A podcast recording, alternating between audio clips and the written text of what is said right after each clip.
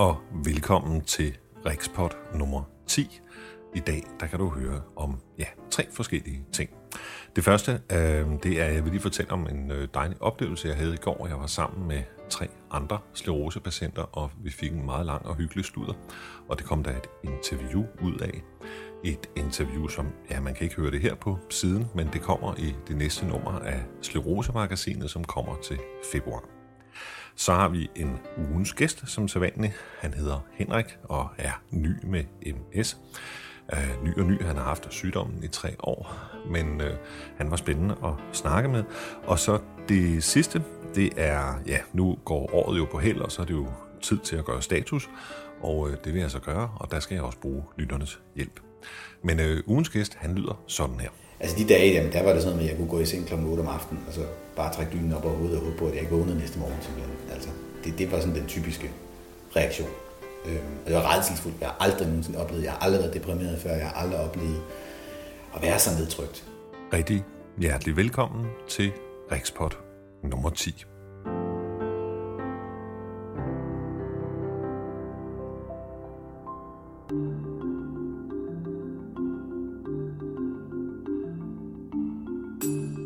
gæst eller ugens interview med Henrik, det kan du høre om et lille øjeblik. Men først så vil jeg lige fortælle om en meget, meget positiv oplevelse, som jeg havde i går.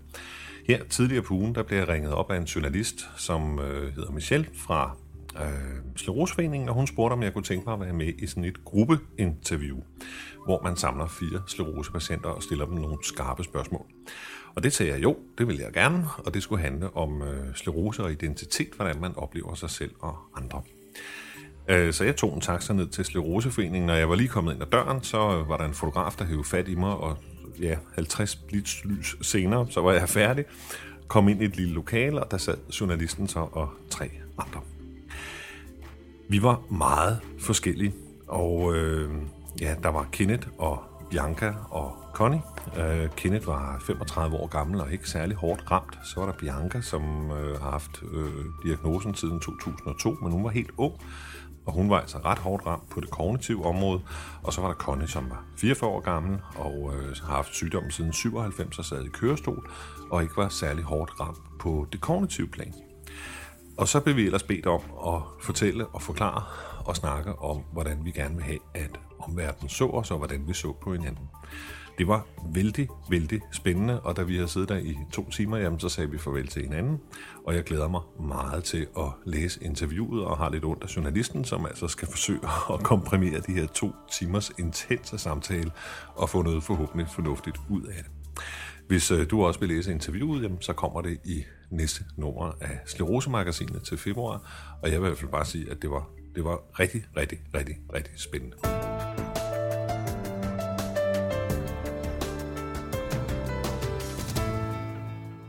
Jeg sad en sen nattetime og surfede rundt på internet, som jeg så ofte gør. Og så faldt jeg tilfældigt over en øh, blog, altså sådan en slags dagbog på nettet, som var oprettet af en øh, 37-årig fyr, der hed Henrik, og som hed Slerose. Og jeg begyndte at læse lidt på den, og øh, ja, så blev jeg lidt nysgerrig. En af de ting, som øh, jeg sådan først faldt over, det var oppe i toppen af bloggen, der er der sådan en plads til at beskrive det, og der skriver Henrik, at sklerose er en sygdom, som indfører et stort element af usikkerhed i mit liv. På trods af det har jeg stadig et liv, der skal leves til fulde udråbstegn. Min idé med denne blog er at fortælle verden om mit liv med sklerose, for derigennem at være med til at øge forståelsen for sygdommen og de mange udtryk, den har. Og så tænkte jeg jo, altså, det her, det minder jo ret meget om mit projekt på en måde. Øhm, Henrik skriver enormt godt og meget, meget ærligt om øh, sit liv og øh, de ting, han oplever. Og jeg tænkte, øh, jamen han, han bor jo kun sådan et par autonome stenkast øh, fra mig, så det ville da være muligt at interviewe ham. Så skrev jeg en mail og fik en interviewaftale i stand. Henrik er meget ærlig om sin egen situation, og også ærlig omkring sig selv. Han skriver for eksempel i beskrivelsen af sig selv, så skriver han, jeg er, en jeg er homoseksuel og bor sammen med min dejlige mand i København. Vi har kendt hinanden siden sommeren 98 og blev gift den 14. september 2001. Jeg fik konstateret multiple sklerose den 30. 12. 2004. Sådan. Ikke så meget pjat.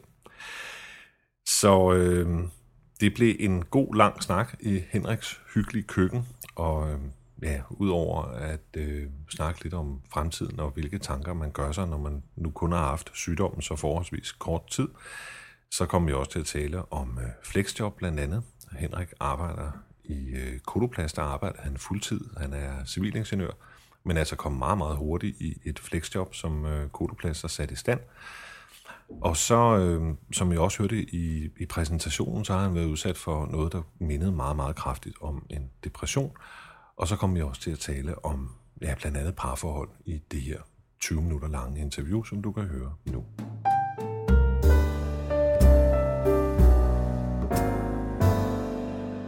Jeg tror aldrig, jeg når hen til at sige, Nå, nu har jeg forstået, hvad det vil sige at sklerose. Jeg er helt på det rene med, hvad det vil sige. Nu kan vi gå ind på noget andet. Den tror jeg bare, det, det, det, den, kan man godt, den kan jeg godt glemme. Jeg ved ikke, hvordan det er for andre, det skal jeg ikke udtale mig om, men jeg kan godt glemme, for jeg ved, det, det bliver en ting, jeg bliver ved med at have i doser, kan man sige, hele resten af mit liv. Altså, og i perioder vil det være meget lidt, så vil det være meget lidt skulpen, og så er det måske sådan helt blæ, hav, havblik, og andre gange så er det orkan, ikke? Altså, det, det er sådan et det bedste billede for mig. Det er et meget godt billede, fordi jeg, jeg altså, det, det, så kan man også det bedre, øh, jeg ved ikke, jeg vil sige, acceptere det, men det er sådan en måde at forstå det på, jamen altså, sådan er det med, med sklerosen.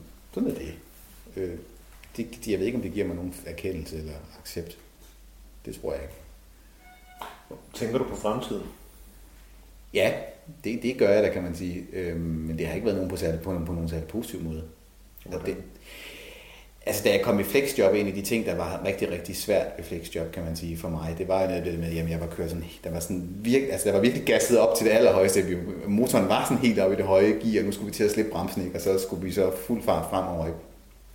Og da jeg så slap bremsen, så skete der ikke rigtig så meget, enten at, ja, bilen blev holdende, ikke? Altså, så var det ligesom sket, ikke? Og så, så tøffede vi afsted i anden gear sådan lidt, sådan lidt for kvarklet, ikke? Altså, og da jeg så kom i flexjobbet, en af de ting, jeg jo hele tiden har gået og tænkt på, og det gør jeg stadigvæk, det er den der med, jamen, jeg har svært ved at se mig selv 30 år i den her situation. Det kan gøre mig angst næsten. Altså, det, kan, det kan virkelig være sådan en ting, der, hvor jeg sådan, kan blive sådan helt, uh, det skal jeg ikke tænke for meget over. Øhm, for det, det, det overgår jeg simpelthen ikke. Øhm, og det er da også en af de årsager til, at jeg nogle gange jeg, jeg startede med at have 27 timers øh, arbejde, og nogle gange er gået mere og mere ned i tid. At, at, jeg har, at, jeg, at jeg har ikke haft energien til det, kan man sige. Men så også igen, fordi jeg, når jeg så hver gang jeg har stået i, i den situation, hvor jeg skulle til at gå ned i tid, så har jeg sådan altid været, det har altid været med de tanker om, at jeg overgår ikke det her i 30 år mere. Og så har jeg godt været klar over, okay, nu, nu er vi nok ved at være hen til, at vi skal ændre lidt igen på, på sammensætningen af arbejdstid og, og hjemmesid. Øhm, fordi at, at, at, at det er sådan en af mine indikatorer på, at jeg ved, at når jeg først begynder at sidde og tænke de tanker, eller at jeg håber godt nok, at jeg vinder af lotto, eller jeg begynder at spille lidt mere på lotto, eller sådan nogle ting, ikke? og det kan lyde fuldstændig banalt, ikke? Altså, men jeg, jeg, det er jo nogle af de markører for mig, som så ved jeg, nu begynder tingene at, at, at, at snærpe lidt til på en eller anden måde, der skal nok gøres et eller andet. Sådan har det været stort set hver gang, jeg har gået ned i tid. Det er de samme ting, jeg er begyndt at spekulere på, de samme tanker, der er vendt tilbage igen. Øhm, og det er som regel det der med, at jeg overgår simpelthen ikke at se mig selv i den der situation 30 år frem. Og det har måske også noget at gøre med nogle, nogle bristede, bristede forventninger og ambitioner. Og, og, altså, jeg havde forestillet mig så meget andet, og nu lige pludselig sidder man sådan lidt på skående vilkår. Ikke? Altså, øhm, at, at så, så er det ikke det, man har lyst til, at, at, at, at man i princippet skal sidde der i 30 år. Altså, og jeg skal da være ærlig sige, hvis jeg kunne blive fri, så ville det være fri. Uh-huh. Det, er, det er ikke et sekund i tvivl om. Altså. Så hvis jeg havde den her berømte knap? Hvis jeg havde, hvis jeg havde den her berømte Nej, men altså ikke, ikke, ikke, altså ikke, ikke som den, men når jeg siger det, så mener jeg ikke med, med hensyn til sklerosen, men hvis jeg havde, hvis jeg vandt, hvis jeg vandt pengene i lotto, de, de 25 millioner eller også for eksempel, ikke? Øhm, så vil jeg stoppe øjeblikkeligt.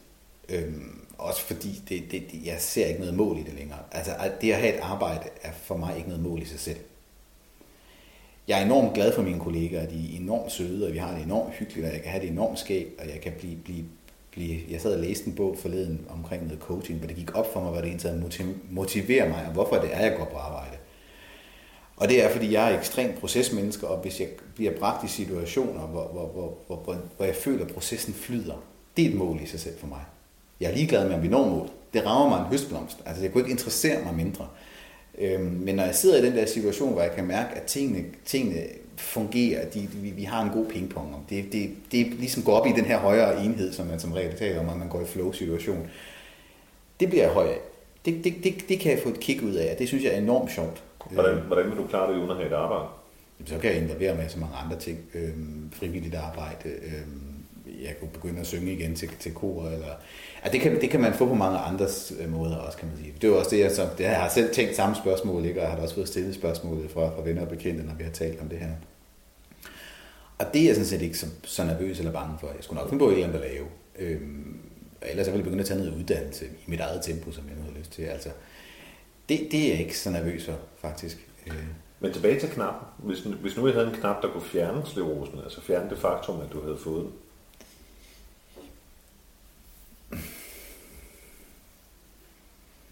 Det, det, det tror jeg faktisk ikke. Altså også fordi, ja, ja, jeg har lidt svært at forholde mig til sådan en knap der, kan man sige. Altså jeg kan godt lege med på billedet, selvfølgelig, kan man sige. Selvfølgelig så ved jeg godt, at man normalt vil sige, ja, jeg vil gerne slippe for det, og det, det, det vil jeg nok også på et eller andet plan, og alligevel så vil jeg ikke. Hvorfor ikke?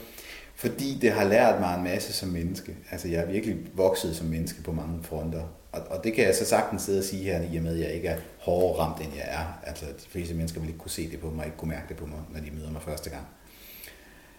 Så den vej rundt kan man sige, så, så, så, så er det selvfølgelig en fod, altså det sætter nogle perspektiver på, hvorfor jeg siger det, jeg siger nu. Det er klart, var jeg blevet lam fra helsen og nedad i første gang, jeg havde fået et attack, og havde været meget benhårdt ramt fra starten af, så var det måske, at jeg havde sagt noget andet. Det, det skal jeg være den første til at sige. Ikke? Øhm. Så jeg tror, kvæg med min situation og med, min udgang, med mit udgangspunkt, og kan man sige, og, og med en eller anden naiv illusion om, at det bliver nok ikke, forhåbentlig ikke værre, end det er nu, Nej, så vil jeg nok ikke, altså så kan man sige, så kan jeg godt lære at leve med det, men det har givet mig nogle forståelser af mig selv, som jeg nok aldrig, det vil jeg ikke være kommet så hurtigt til. Det er sådan lidt en benhård nyser til, til selvudvikling, kan man sige. Det, det, er, det er selvudvikling på den hårde måde, hvis man, hvis, hvis man skal sige det på den måde. Ikke? Altså, så, hvad, hvad er det, der har gjort, at du har lært dig bedre? Jamen, du begynder lige pludselig, altså i og med, at man så også bliver kastet ud i det der med, at du, du skal fra det her, du skal i flexjob for eksempel, Øhm, det er nok der, hvor det har påvirket meget mest, for det er ens selvopfattelse, at man lige pludselig skal til at lave om. Ens egen identitet, hvad man oplever sig selv, bliver man lige pludselig konfronteret med, bliver, bliver jeg i hvert fald, altså, okay, okay, altså, jeg blev konfronteret med det, og, og var nødt til at forholde mig til, hvordan jeg var som, som menneske og som person. Øhm, hvad det var, der var vigtigt for mig i livet. Øh, hvad det var, det, jeg gik, ligesom, gik op i, kan man sige. Og der tog jeg så kvæg min, altså min flexjob-situation en beslutning om, at det skulle i hvert fald ikke være arbejdet, der ligesom, der ligesom gjorde det, kan man sige, fordi jeg så ikke nogen fremtid i det. Ja. Jeg, jeg tager på arbejde, fordi jeg, jeg, det, jamen, altså, jeg har nogle rigtig, rigtig gode vilkår på mit arbejde. Min virksomhed, jeg arbejder hos, er ekstremt forstående og har, har skabt alle de betingelser, som jeg gerne vil have. Øhm, mm. Jeg har nogle omsorgskollegaer, kollegaer, øhm, og det er mere det. Men, men jeg er mere nysgerrig på, hvad, hvad det er, det har lært dig selv. Altså, hvad er det, du har lært om dig selv i kraft af sklerosen? Jeg har lært mig selv bedre at kende. Øhm, altså, det havde jeg, altså nu har jeg taget, jeg har taget en NLP-uddannelse inden der, kan man sige. Der var jeg allerede i princippet begyndt på det. Vi skal lige forklare. Øh, en, NLP er, det er sådan det her selvudviklingsværktøj, kan man sige. Det er på en måde også et kommunikationsværktøj omkring, ja, jeg ved ikke rigtig, hvordan man skal beskrive det. Øhm, det er et værktøj til, til selvudvikling. Mm. Øhm, hvor man, hvor man går ind i nogle længerevarende uddannelsesforløb og får, får, får lært nogle teknikker ind, som du faktisk kan bruge terapeutisk over for andre mennesker, hvis man vil gå ind i et, et terapeutuddannelsesforløb. Og også over for dig selv. Også, og dem kan man så bruge i særdeles over for sig selv. Og jeg har brugt dem mest over for mig selv. Øhm, og, og, og dem, det, jeg skal sige det på den måde, jeg har været, jeg har været uendelig glad for, at jeg havde den uddannelse, inden jeg fik diagnosen. Mm. For jeg tror, jeg havde taklet det noget anderledes, hvis jeg ikke havde haft, det, havde haft den øh, selverkendelse med. Startet op der, kan man sige. Øhm, og det, altså, så det, det, det, har, det har bare skubbet på til, at jeg har lært mig selv bedre at kende. Øhm, jeg kan ikke rigtig sætte så mange andre ord på det andet, at, at, at det har bare givet en dybere indsigt, og, og, og, og alligevel er der mange ting, jeg stadigvæk ikke forstår. Sådan er det altid. Det er jo mm. en af de spændende ting ved, at vi, at vi ikke forstår vores eget hoved fuldstændig. Altså, øh, og heldigvis for det. Men du har haft noget, som, som du har forklaret i hvert fald over for dig selv, og også, for, også over for mig, som, mm. som du har haft en depression. Jeg ved ikke, om jeg har haft en depression, kan man sige jo ikke, altså, men jeg fik lidt pludselig i, i, i foråret her i 2007, er, vi, øhm, oplevede jeg lige pludselig, at jeg blev voldsomt deprimeret. Og det var som at slukke og tænde for en knap. Øhm, og det tiltog ret voldsomt øh, på et tidspunkt. Og så kontaktede jeg så en øh, Agnete Jønsson på Rigshospitalet og fik over og, snak, og snakkede med hende. Øhm, og, og det er klart, altså det, det kan være mange ting, men hun mente så, at det, det primært var, var, var, var forårsaget af sklerostrætheden. Øhm, Hvad så, at det ikke var en depression? Nej, det var ikke nogen klinisk depression. fordi så, kan du ikke slukke, så slukker og tænder det ikke som, som, øh, på den måde, som det går hos mig. Hvordan slukkede og tændte? Jamen, jeg kunne stå her i køkkenet, og så, så, øh, så, kunne, jeg, så kunne, vi, skulle jeg have en samtale med Torkel, og lige pludselig skulle han se på mig. Nu gik gardinet ned. Altså, så kunne jeg bare mærke ind i hovedet lige pludselig, at så kunne det helt være lige meget. Så kunne der gå tre timer, fire timer, to dage, så fordampede det igen. Og så kunne der gå et par dage inden det, altså, altså jeg, jeg røg bare ned i et hul, simpelthen. Øhm, et sort hul. Og, og nogle gange så var det rigtig dybt. Øhm, og det var rigtig, det var rigtig grimme tanker, jeg kunne nå at tænke i, det, i, i, i de sammenhænge. Og andre gange, jamen, så, så var det ikke helt, helt så dybt. Og så var det over dagen efter, men nogle gange så har det været dage, hvor jeg gået rundt med, med den her berømte tordensky over, over ansigtet på en eller anden måde. Men, men da jeg var over at tale med Agnete Jønsson og forklarede hende det på den måde, jeg havde det, så sagde hun, jamen altså, hvis du har en klinisk depression, så er det jo noget, så er det sådan ongoing, så er du sådan konstant deprimeret. Og det var jeg ikke. Øhm, det var at slukke og tænde for en, som at slukke og tænde for en lampe nogle gange. Og det kunne forsvinde lige så hurtigt, som det kunne komme. Øhm, og jeg kunne ikke altid selv mærke det. Og, og der var det så, hun sagde, jamen altså en meget typisk ting for øh, sklerostrætheden er, at det giver sig udtryk på den måde. At, at, at, at du er kommet for langt, du har mast dig selv alt for langt ud til Så, prøv, så bad jeg mig, prøv, prøv at reflektere baglæns i nogle situationer og se, om, om du ikke har været i en situation, hvor du faktisk godt kunne se, at du blev, blev skubbet til kanten. Øhm, og det kunne jeg jo så godt se, da vi begyndte at sidde og tale om det. Øhm, og, og det var så der, hvor hun så sagde, at du bliver simpelthen nødt til at lære altså, at håndtere det. Du bliver nødt til at lære at stoppe, inden du når derhen til. Og jeg ved ikke, om det er det, der har gjort det, men siden der har jeg så ikke, altså siden her som midt sommer, har jeg ikke rigtig haft de, de depressionsanfald længere på den måde. Øhm, nu har jeg lige været til kontrol over Rigshospitalet, og lægen derovre mente så faktisk også, at det kunne også have været et attack. Øh, man kan godt have et attack på den måde, åbenbart. Mm. Det ved jeg så ikke, kan man sige. Nu er det forsvundet stort set. Ja, selvfølgelig har jeg da stadigvæk dårlige dage engang, men det har, vi jo, har man jo altid. Øh, men slet, slet ikke i samme omfang. Altså, altså de dage, jamen, der var det sådan noget med, at jeg kunne gå i seng kl. 8 om aftenen, og så bare trække dynen op over hovedet og håbe på, at jeg ikke vågnede næste morgen simpelthen. Altså, det, det var sådan den typiske reaktion. Øhm, og det var redselsfuldt. Jeg har aldrig nogensinde oplevet, jeg har aldrig været deprimeret før, jeg har aldrig oplevet at være så nedtrykt. Øhm, fordi jeg altid har været meget over, sådan overskudsagtig og enormt glad, og folk har synes, sådan, han er den store glade mand, og han, kan man altid kun gå hen og ruske lidt i, og så får vi noget, noget, noget, noget, et smil ud af ham. Ikke? Altså, og lige pludselig så kunne folk ruske fra nu af til de gad længere, der kom intet ud af mig. Ikke? Altså, har det ikke været svært for, for Torgild at, at kapere den her situation? Jo, det har været rigtig svært, og det har, det har været særdeleshed det her, det her forår, hvor vi snart har fået snakket meget mere om det, kan man sige, øhm, og fået sat mange flere ord på, og han har måske også har lært at forstå min sygdom lidt mere på mm. den mere mentale side. Øhm. Hvordan har, det, hvordan har han været under, under hele forløbet? Jeg tænker på, sådan i forhold til, til diagnosen og, og øh, det, at du skulle lære at leve med din sygdom og mm. det kognitive og, og sådan, hvor, hvor, hvor har han været inde i billedet? Altså, hvor har han været, kan man sige. Altså, til at starte med, kan man sige, altså, da jeg fik diagnosen, der, der var jeg ved at støvsuge alle, alle, alle biblioteker for bøger omkring sklerose, fordi jeg skulle bare have mest mulig information. Ikke? Og det er så ret hurtigt fundet ud af med ham, det var, at han skulle have mindst mulig information. Øhm, fordi det er forsøgt på at få ham til at læse nogle, nogle, nogle, nogle brosyrer om det fra Skleroseforeningen. Det, det, det kunne han slet ikke takle. Altså, jeg, jeg kunne jo ikke få nok nærmest øh, til at starte med, for jeg skulle bare have mest mulig information, for jeg skulle forstå, hvad det her det handlede om på en eller anden måde. Også på en eller anden måde få at vide, hvad er det værst muligt tænkeligt, der kan ske, fordi så kan jeg ligesom trække mig baglæns igen, og så ligesom sige, jamen, så har jeg det jo godt nu. Øhm, han, han, som jeg oplevede ham, når jeg han læste brosyrer, så røg han kun ud i den værste tænkelige situation, så kunne han ikke trække sig selv tilbage igen. Mm. Og det, det, det, det er jo selvfølgelig ikke nogen særlig, særlig hensigtsmæssig måde så at, at forsøge på at, få, altså, at mase folk den, den vej hen, kan man sige. Så det, det har vi taklet ved, at jamen, så stoppede vi ligesom den, kan man sige, ikke? og så har vi taget de bidder, som han nogle gange har kunne kapere det, og så har han nogle gange selv kommet og spurgt. Og så er der også nogle gange udsprunget af situationer, hvor, hvor, hvor, vi har, hvor han har kunnet mærke, at jeg har været i en eller anden presset situation, og der har været et eller andet, vi så har diskuteret. Og hvor vi jo så uværligt mange gange kommer til at diskutere det, fordi det mange gange udspringer af, at jeg har været træt. Øhm, at jeg så har reageret på en eller anden bestemt måde, som måske ikke har været specielt hensigtsmæssig.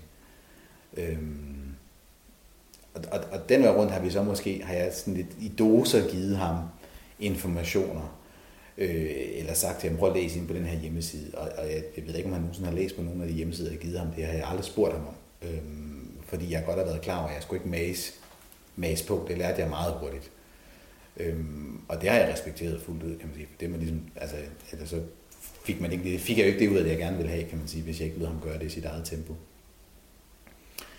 Øhm, så, det, så men, men særdeleshed så der, hvor jeg så bliver, bliver meget nedtrykt og deprimeret, der, der, der, der bliver det sådan meget præsent, for der kunne han jo lige pludselig, han lige pludselig også voldsomt påvirket af det. Kan man sige, indtil da var han da selvfølgelig blevet påvirket af, hvor syg han har været enormt ked af det, og har haft, altså årsagen til, at han måske også har skubbet det fra sig, det var, at han ville jo gerne løse problemet. Øhm, og, og, og det, det var jeg jo godt, altså, det, det, det var sådan lidt, det, det, det, det, det kan du ikke, altså, det kan du gøre, medmindre du tager en doktorgrad i, i, inden for medicin, og så går i gang, ikke? Altså, så kan du godt gå i gang. Gør de det? Ja, ikke? Altså, øhm, men altså, det, det, det er, nu har han sådan en helt anden levevej, kan man sige, så det er jo ikke det, han kaster sig ud i. Men det har været en stor, stor ting. Det har været, jeg tror, det, det har været noget af det, der har været sværest for ham. Det var at skulle kapere det der med at sige, jamen nogle gange, så har jeg brug for at tale om det. Vi skal ikke løse noget problem, du skal ikke begynde at løse det for mig, vi skal bare tale om det. Jeg skal have lov til at smide tingene op i luften, så lander vi dem, og så smider jeg dem op en gang til, og så lander vi dem, og så gør jeg det en gang til. Uden at du flugt smider fire løsninger på banen, fordi så bliver jeg, så bliver jeg mest, altså så bliver jeg irriteret. Ja, det er sådan de her ting, der er sådan hurtigt bliver. Så gider jeg ikke diskutere det. Hvis jeg ikke kan få lov til at køre min proces øh, på den måde, som, som jeg gerne vil, jamen altså, så, så, så, så stopper vi det der. Der har vi selvfølgelig måtte, skulle nogle gange finde nogle, nogle kompromiser, ikke? Altså, fordi jamen, så, så har det jo tit været sådan, at jamen, så skulle du huske at spørge lægen om det, eller kan du godt sige til lægen, at I skal gøre sådan der, eller kan du sådan, jeg har jo efterhånden, altså det ved jeg ikke, det kan også lyde kynisk nu, men jeg har efterhånden lært, at jamen, de kan sgu mange gange ikke give dig flere svar, end du, du, du altså, når det er de der mere, mere fluffy ting omkring øh, de kognitive eller de mentale ting eller sådan noget, så bliver det sådan lidt mere, jamen, hvad synes du selv, svaret du får, ikke? Altså, og man bliver sådan hurtigt lidt, okay, hvis I, hvis I ikke kan give mig mere end det, så gider jeg sgu ikke komme og spørge dig. Og det har, det har han da nogle gange skulle haft lidt svært ved at forstå, når jeg sådan, når han forsøger på at løse det ved, så må du overtale min læge. Ikke? Altså jeg bliver sådan lidt, åh ja, det får jeg sikkert ikke særlig meget ud af, hvorfor skulle jeg dog gøre det? Altså, nu, nu sidder jeg lige selv og processer det her, det får jeg mere ud af. Altså han bliver meget løsningsorienteret, hvor jeg holder mig i procesmålet. Øhm, men altså, vi har taklet det meget forskelligt. Det har vi. Det, det, det er helt klart. Jeg har kastet mig over det og lært det at forstå, for ligesom at komme, komme videre, og, hvor han har taget det i meget mindre bidder. Øhm, fordi det var vigtigt for ham på den måde. Altså ikke at, at kaste sig ind i det på samme måde. Nu er det så heller ikke ham, der er syg, så kan jeg måske et eller andet godt forstå det. kan man sige det. Altså. Hvis man nu kan jeg kun svare for mit eget vedkommende, men, mm. men, men jeg kan sådan være meget påvirket af de der perfekte, perfekte familier, man, man, man støder på i amerikanske serier. Ikke? Mm. Øh, og jeg har sådan en eller anden forventning til mig selv om, at hvis der sker et eller andet, så vil jeg reagere på en bestemt måde. Mm-hmm. Altså, hvis min kone nu, Gud forbyde det, skulle få en sygdom eller et mm, andet, mm. så ville jeg reagere på den og den måde, fordi mm. jeg vidste, at det var det, det hun havde behov for. Mm, mm. Altså, føler du, at, at, at det nogle gange kan være svært at, at leve op til et eller andet idealbillede af, hvordan man skal reagere? Altså både hvordan du selv reagerer, og, og hvordan din partner skal reagere? Jeg ved ikke med hensyn til mig selv, men, men, men, men jeg, kan godt, jeg kan godt have et idé. Altså det er jo så, fordi jeg har nogle forventninger øh, til, hvordan han skal reagere nogle gange, som han så ikke altid lever op til. Og det er så, fordi vi som grundlæggende er meget forskellige som mennesker. Så er det jo klart, så kan det være svært at skrue min opfattelse af verden ned over hans hoved. Hvis, hvis, hvis jeg gerne vil processe, og han er meget løsningsorienteret, jamen så forventer jeg jo, at han begynder at sidde og stille åbne spørgsmål, så jeg kan få lov til at sidde og filosofere længe og dybt over det her. Ikke? Og han går flugt og siger, men kan vi ikke bare gøre sådan og sådan og stille de her fire ting op efter hinanden, og så har vi det løst. Og så kan vi komme videre. Ikke? Altså, der, der, der er jo klart, derfor, sådan en forventer jeg ikke at få. Altså, det er sådan, så bliver jeg hurtigt, så bliver armene lagt over kors, og så bliver jeg sådan lidt, nå, ja, men så gider jeg heller ikke snakke mere om det. Øhm, agtigt, kan man sige. Øhm, så jeg har ikke selv haft nogen ideale billeder af, hvordan jeg selv skulle reagere. Ikke overfor ham. Det har måske mere, mere været over for mere et tand længere ud med kollegaer eller venner og bekendte, øh, hvor jeg måske nogle gange har sådan lidt tænkt lidt mere over, hvordan jeg har, har reageret, eller hvordan jeg har, har fremstillet det. Men overfor ham har det, har det været råt for usødet, kan man sige nogle gange. Jeg har nogle gange selvfølgelig holdt informationer tilbage. Jeg går heller ikke altid og fortæller, at nu har jeg sørme ondt i højre store tog. Ikke? Altså, så bliver det sådan lidt paranoiaagtigt også. Øh, og det skal det heller ikke være, fordi nogle gange så har man også bare ondt i højre store tog, bare fordi man er trådt på den. Ikke? Altså, og sådan er det. Øhm, men, men, men så nej, det, det, der har jeg ikke nogen nej. Jeg har ikke nogen ideelle billeder for mig selv, men overfor ham har jeg haft nogle forventninger, kan man sige. Der har vi lært hinanden bedre at kende. Det har været en meget effektiv måde at få diskuteret nogle ting og få, få, få snakket omkring nogle ting med, hvordan man, man kommunikerer med hinanden og sådan nogle ting. Er, er han så blevet bedre, eller er du blevet mindre krævende? Begge dele. Han er blevet meget bedre. Øh, meget, meget, meget bedre, kan man sige. Øhm, og jeg er selvfølgelig måske også blevet lidt mere forstående over for, at, at vi har hver vores opfattelse af, hvordan sådan nogle ting her, de hænger sammen, og hvordan man skal takle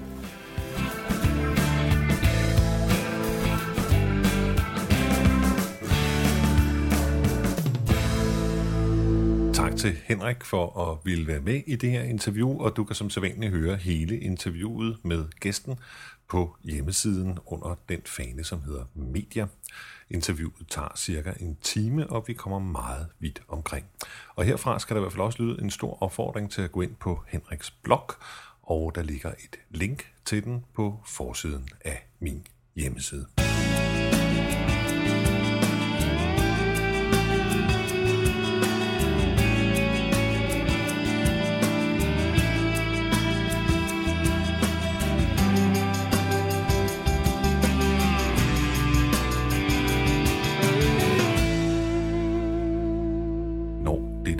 Podcast, altså podcast nummer 10, er i æderen, eller på nettet, eller hvad man nu vil kalde det, jamen så er året også ved at gå på held, og så plejer det jo traditionen tro at være tiden for at gøre status og kigge lidt tilbage på året, der er gået.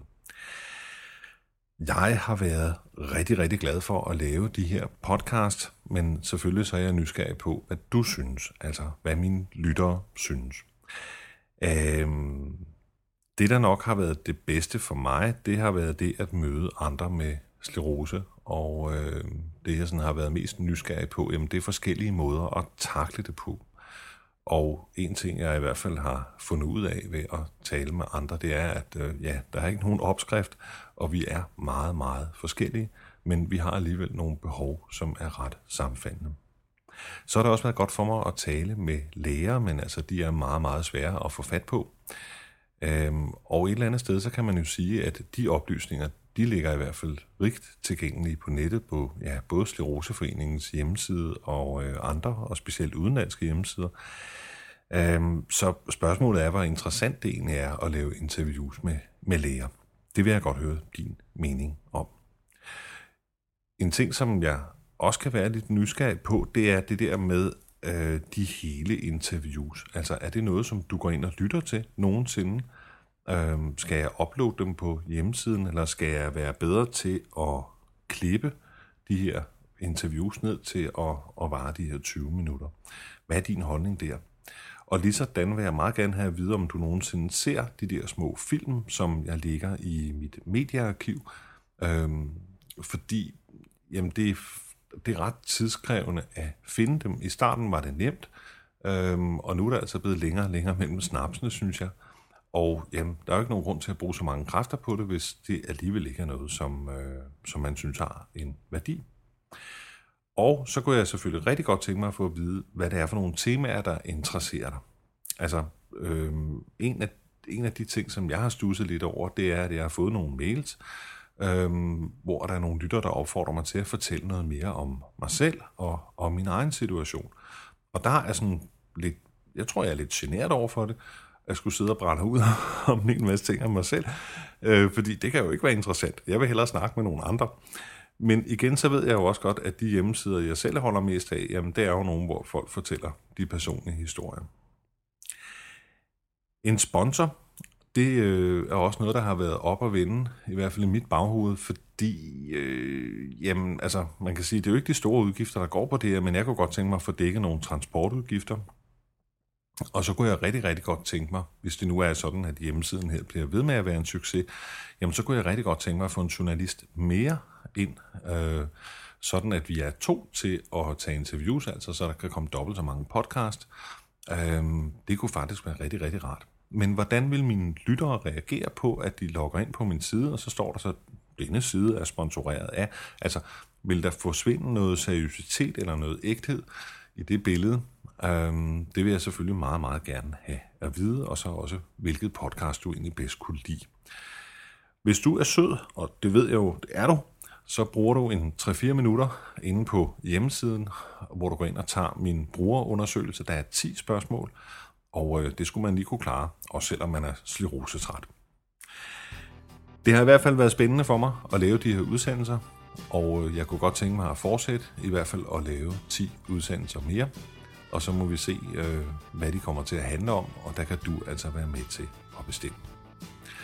Rikspot nummer 10 er slut for i dag. Jeg vil sige mange tak for, at du lyttede, og ønske dig en god jul og et godt nytår, og vi lyttes ved i 2008. Tak for i dag.